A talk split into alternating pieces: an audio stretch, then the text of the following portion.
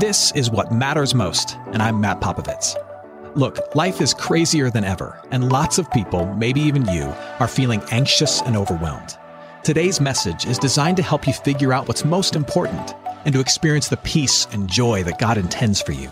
Because life is a gift, and it shouldn't be wasted on worry. I'd like to give you a resource, something to help you navigate the road ahead. Just go to mattpopovits.com, click on the icon, and we'll send it to you. That's Matt, P-O-P-O-V-I-T-S dot com. And hey, if you happen to live in the Houston area, I'd love to see you on a Sunday morning at St. Mark in Spring Branch.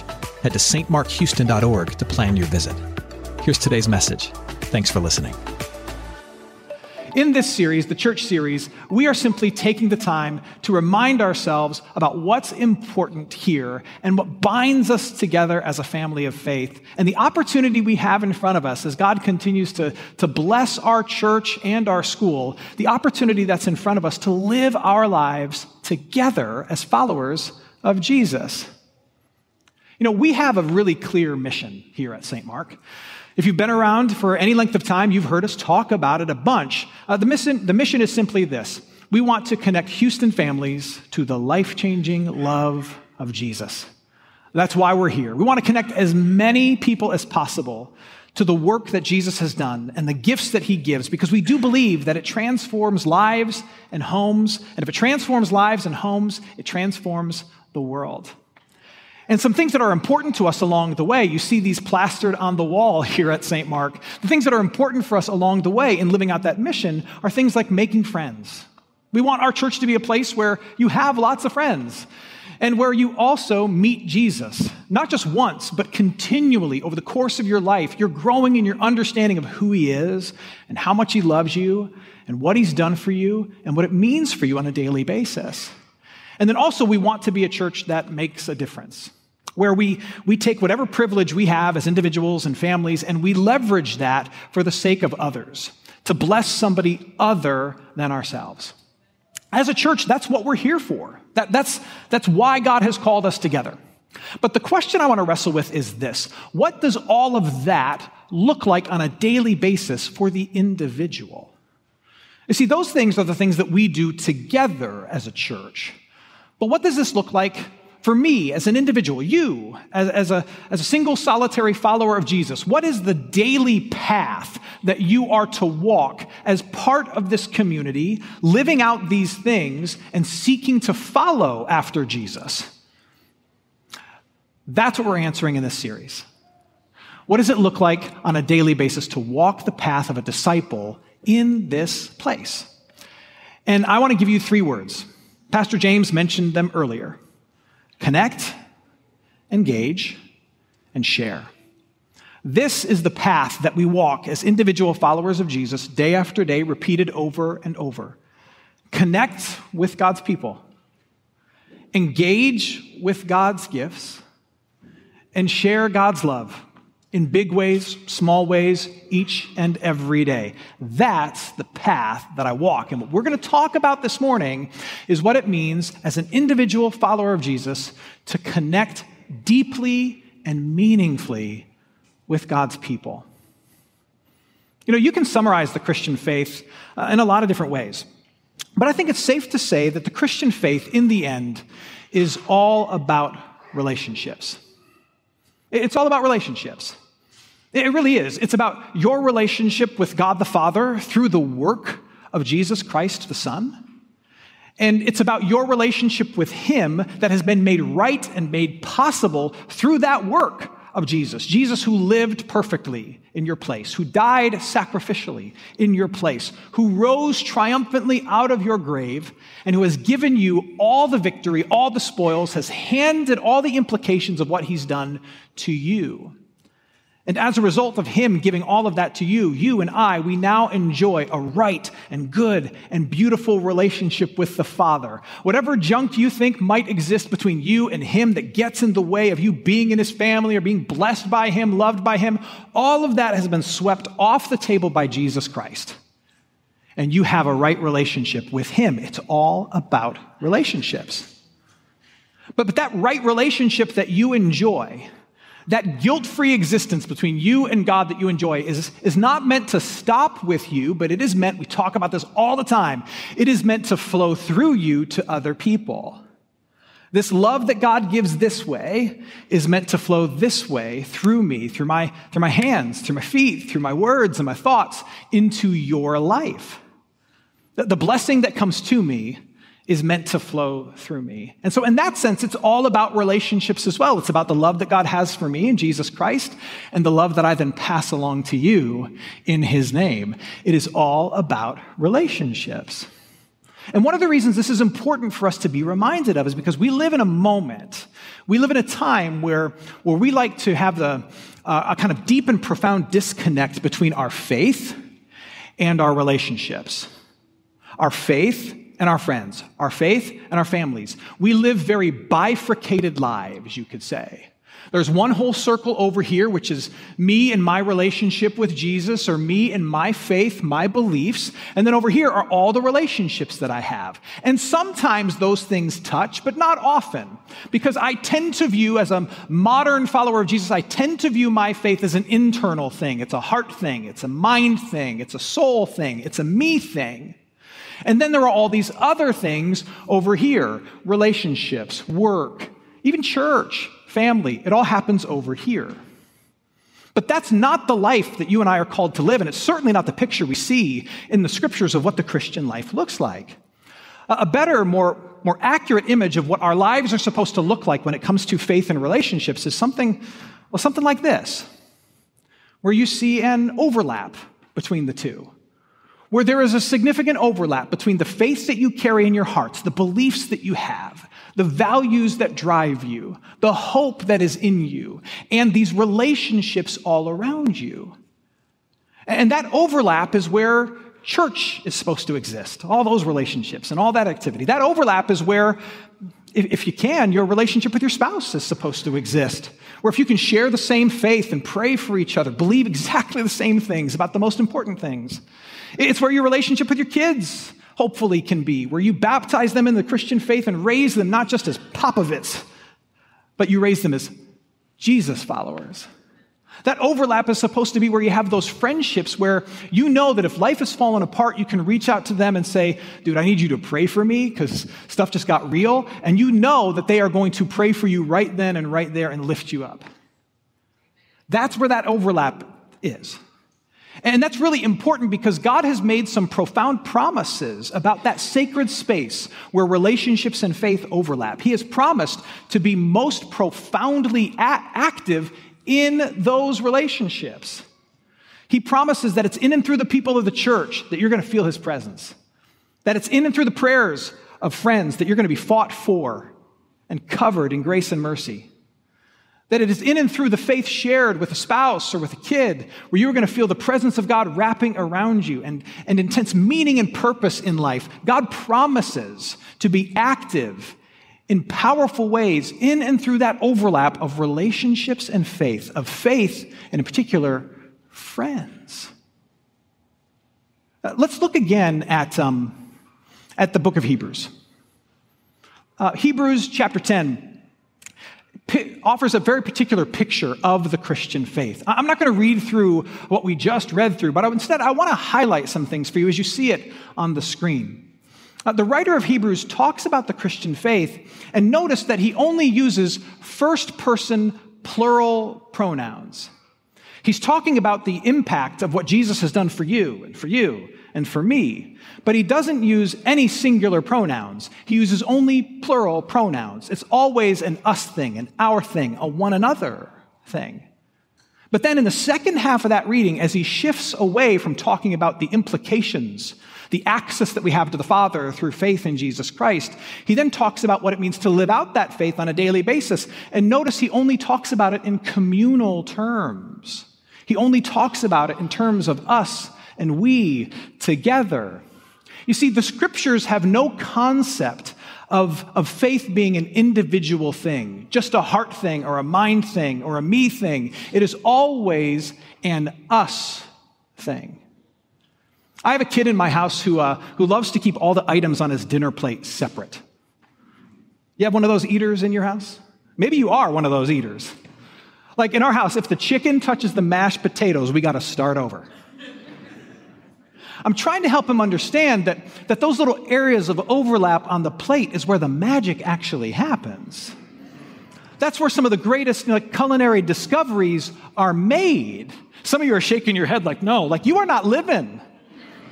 Look, if your rice and beans doesn't become rice and beans, you're missing out. You are missing out. Some of the best discoveries are found when stuff comes together. And friends, the same is true in the church. if you keep your lives separate, I got faith and I got friends. I got my belief in Jesus and I got the people that I live with. You keep these things separate, you, you have two good things, but you are missing out on something better when those things come together.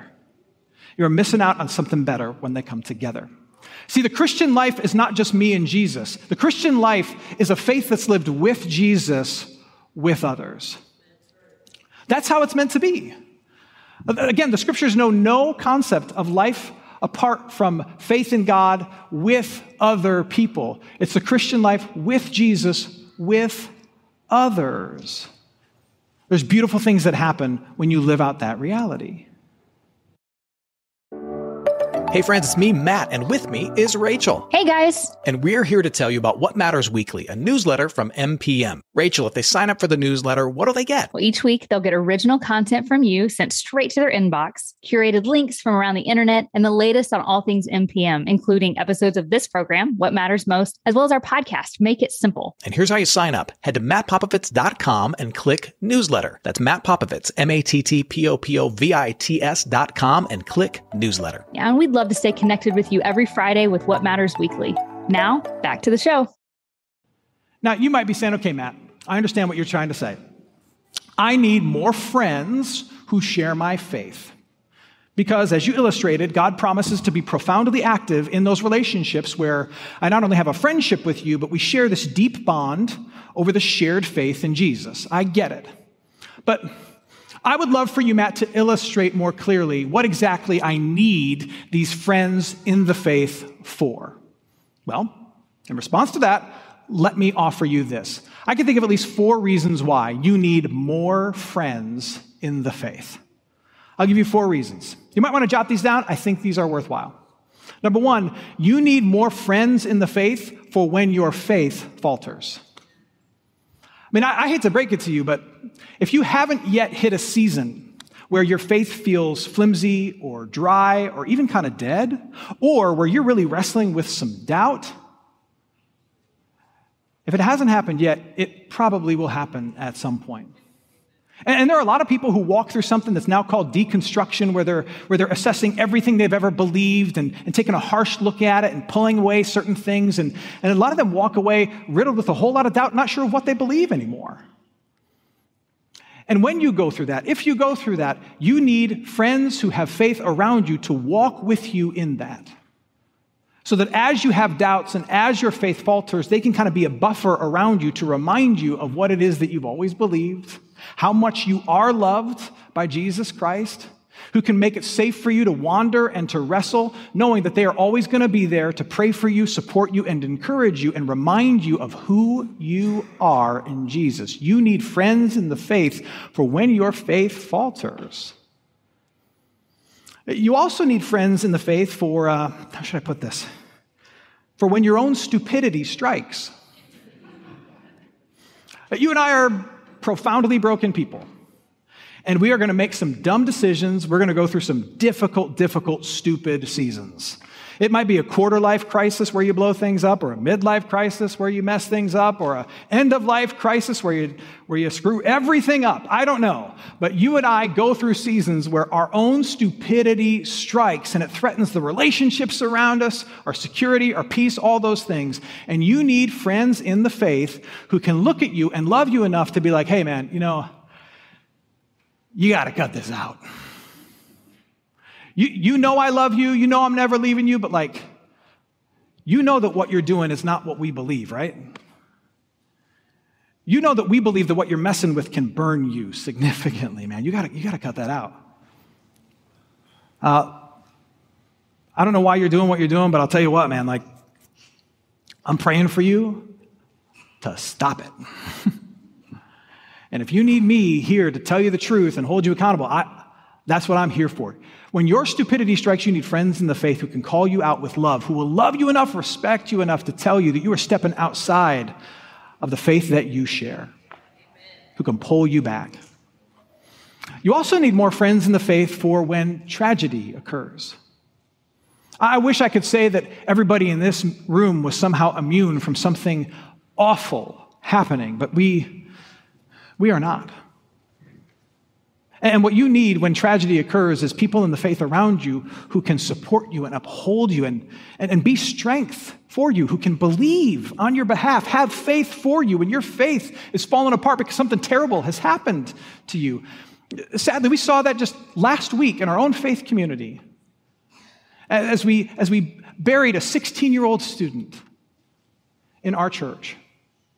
But I watched as, as, as her mom and dad were upheld not just by friends and family, but in particular by friends and family who shared their hope in Jesus, who could not only literally be their strength when they couldn't walk, being overwhelmed by this tragedy, but who could be their strength and whisper hope into their hearts and remind them of the truth that binds them and their daughter who has passed away together. And that's the best kind of help in times of hurt that there is. You need more friends in the faith when tragedy occurs. And I got one more for you. You need more friends in the faith for when God calls. I talked at the beginning about the mission that's on this church, but, but look, the birthright of the baptized is an individual mission. If you are here as a follower of Jesus and you've been baptized into his kingdom, what that means for you is that you're not just a part of this mission, but God has plans for you, particular, in this mission. You no longer get to believe that you are in your workplace, in your home, on your street, in this church, on accident. You are where you are on purpose because God has a plan for you. And there are people around you that He has set aside and appointed for you to love and to care for and to show compassion to if need be, share your faith with them, invite them to church. You are there for a reason. And at some point in your life, several points in your life, you are, if you're listening, you're going to hear God tap you on the shoulder and call you and be like, I put you here for this. I put you here for this. And you, and you need other friends in the faith, lots of friends in the faith who can say to you, Oh, I heard it too. I'll help you have that conversation. You need those friends in the faith so that you don't miss that opportunity, so that you are accountable to that opportunity, and so that you have reinforcements in that opportunity. You need more friends in the faith as part of God's church, as part of your life, for all these reasons and more. Now, I get why we hesitate. You may be hearing all this and saying, Matt, look, I get it. I need more people in my life who share my faith. I need to enjoy that overlap of faith and friends. I need to connect more deeply with God's church. I get it, but I got no time. I understand the reasons why we don't. Uh, look, most all of us are worn out. That's why we don't. And some of us are just wounded. Every one of us is spread too thin. I get it. You got too many commitments already, and you're like, look, I'm not taking any more applications from more people in my life. I have closed that. I'm not taking any more applications. I got any time. And, and some of you are saying, look, I don't need more relationships inside of the faith because I got burned by people inside the faith. I got hurt by the church. I was wounded by religious people. And so I don't need any more of those folks in my life. And I, and I hear both of those reasons. But let me just lovingly, as your friend, press on both of those just a bit. If you are saying that you are already too busy to engage more deeply with the people of God and experience the blessings that come with that, then I would just offer to you that perhaps some of your priorities are out of place, perhaps. Look, we live in a time where, where people, and we're guilty of this in my house as well, like, we live in a time where, where we will sign our 15 year old up for every sport in the world or every hobby we can conceive of. And we will rearrange everything in our life around those opportunities, knowing full well that they're going to quit that. They're going to drop that when they're 17, 18 years old. And yet we'll say, you know what, I just don't have the space or the time to be a part of a class where I'm going to meet more friends at my church. I don't have the time to, to come to church more than once a quarter where I could not only worship Jesus, but get to know the people who sit next to me. I, I don't have the space to, to go out to lunch after church with another family that's been sitting next to me for 10 years. I don't have the space to do that. You, you will say no to those things in the context of a faith that you are openly hoping and praying that that same child will carry on into adulthood. That, that doesn't make sense to me. Might I just offer that perhaps some priorities are out of step with what you actually want and what you actually desire? Increase commitment just a little bit and see what happens. You need more friends in the faith. Let, let me, uh, let me end with this question um, Do you have roofers? Uh, maybe that was an awkward way to, to introduce that. Uh, let me put it like this um, There's a story that it's told multiple times in the Gospels, the, the books of the Bible that tell us the story of Jesus' life, okay? And the story goes like this um, Jesus is really popular at this particular point in his ministry. And he's sitting inside someone's home. And it is packed, like packed tighter than any house party you went to in college. It is packed to the brim because Jesus is really popular and he's teaching and people are just in awe and he's healing people and they're mesmerized. You could not get another person in this house. So Jesus is sitting in the middle of this packed house and he's teaching, and all of a sudden there's like this noise on the roof. And, and dust and dirt start falling down on Jesus' head, and he looks up, and everybody else looks up. And all of a sudden, like this hole breaks through in the roof. And people are stunned. And they look up, and what they see is the face of four people, four friends, peering down through the roof onto Jesus. And they see that Jesus is there in the house, and they go, okay, okay, okay. And they grab this other guy, this other friend, this fifth friend, who is paralyzed and sick. And he's kind of strapped to this big board, and they lower him down through the roof, down into like the lap of Jesus. And everyone's just flabbergasted, like, what? What is happening? Why are these people on the roof? They tore a hole, they lowered their friend in. And then Jesus does this incredible thing. He looks up at the friends who are on the roof with this other friend in his lap. He looks up and he says, Your faith, your faith, friends, has forgiven him. And then Jesus goes on to say, Your faith has made way for him to be healed.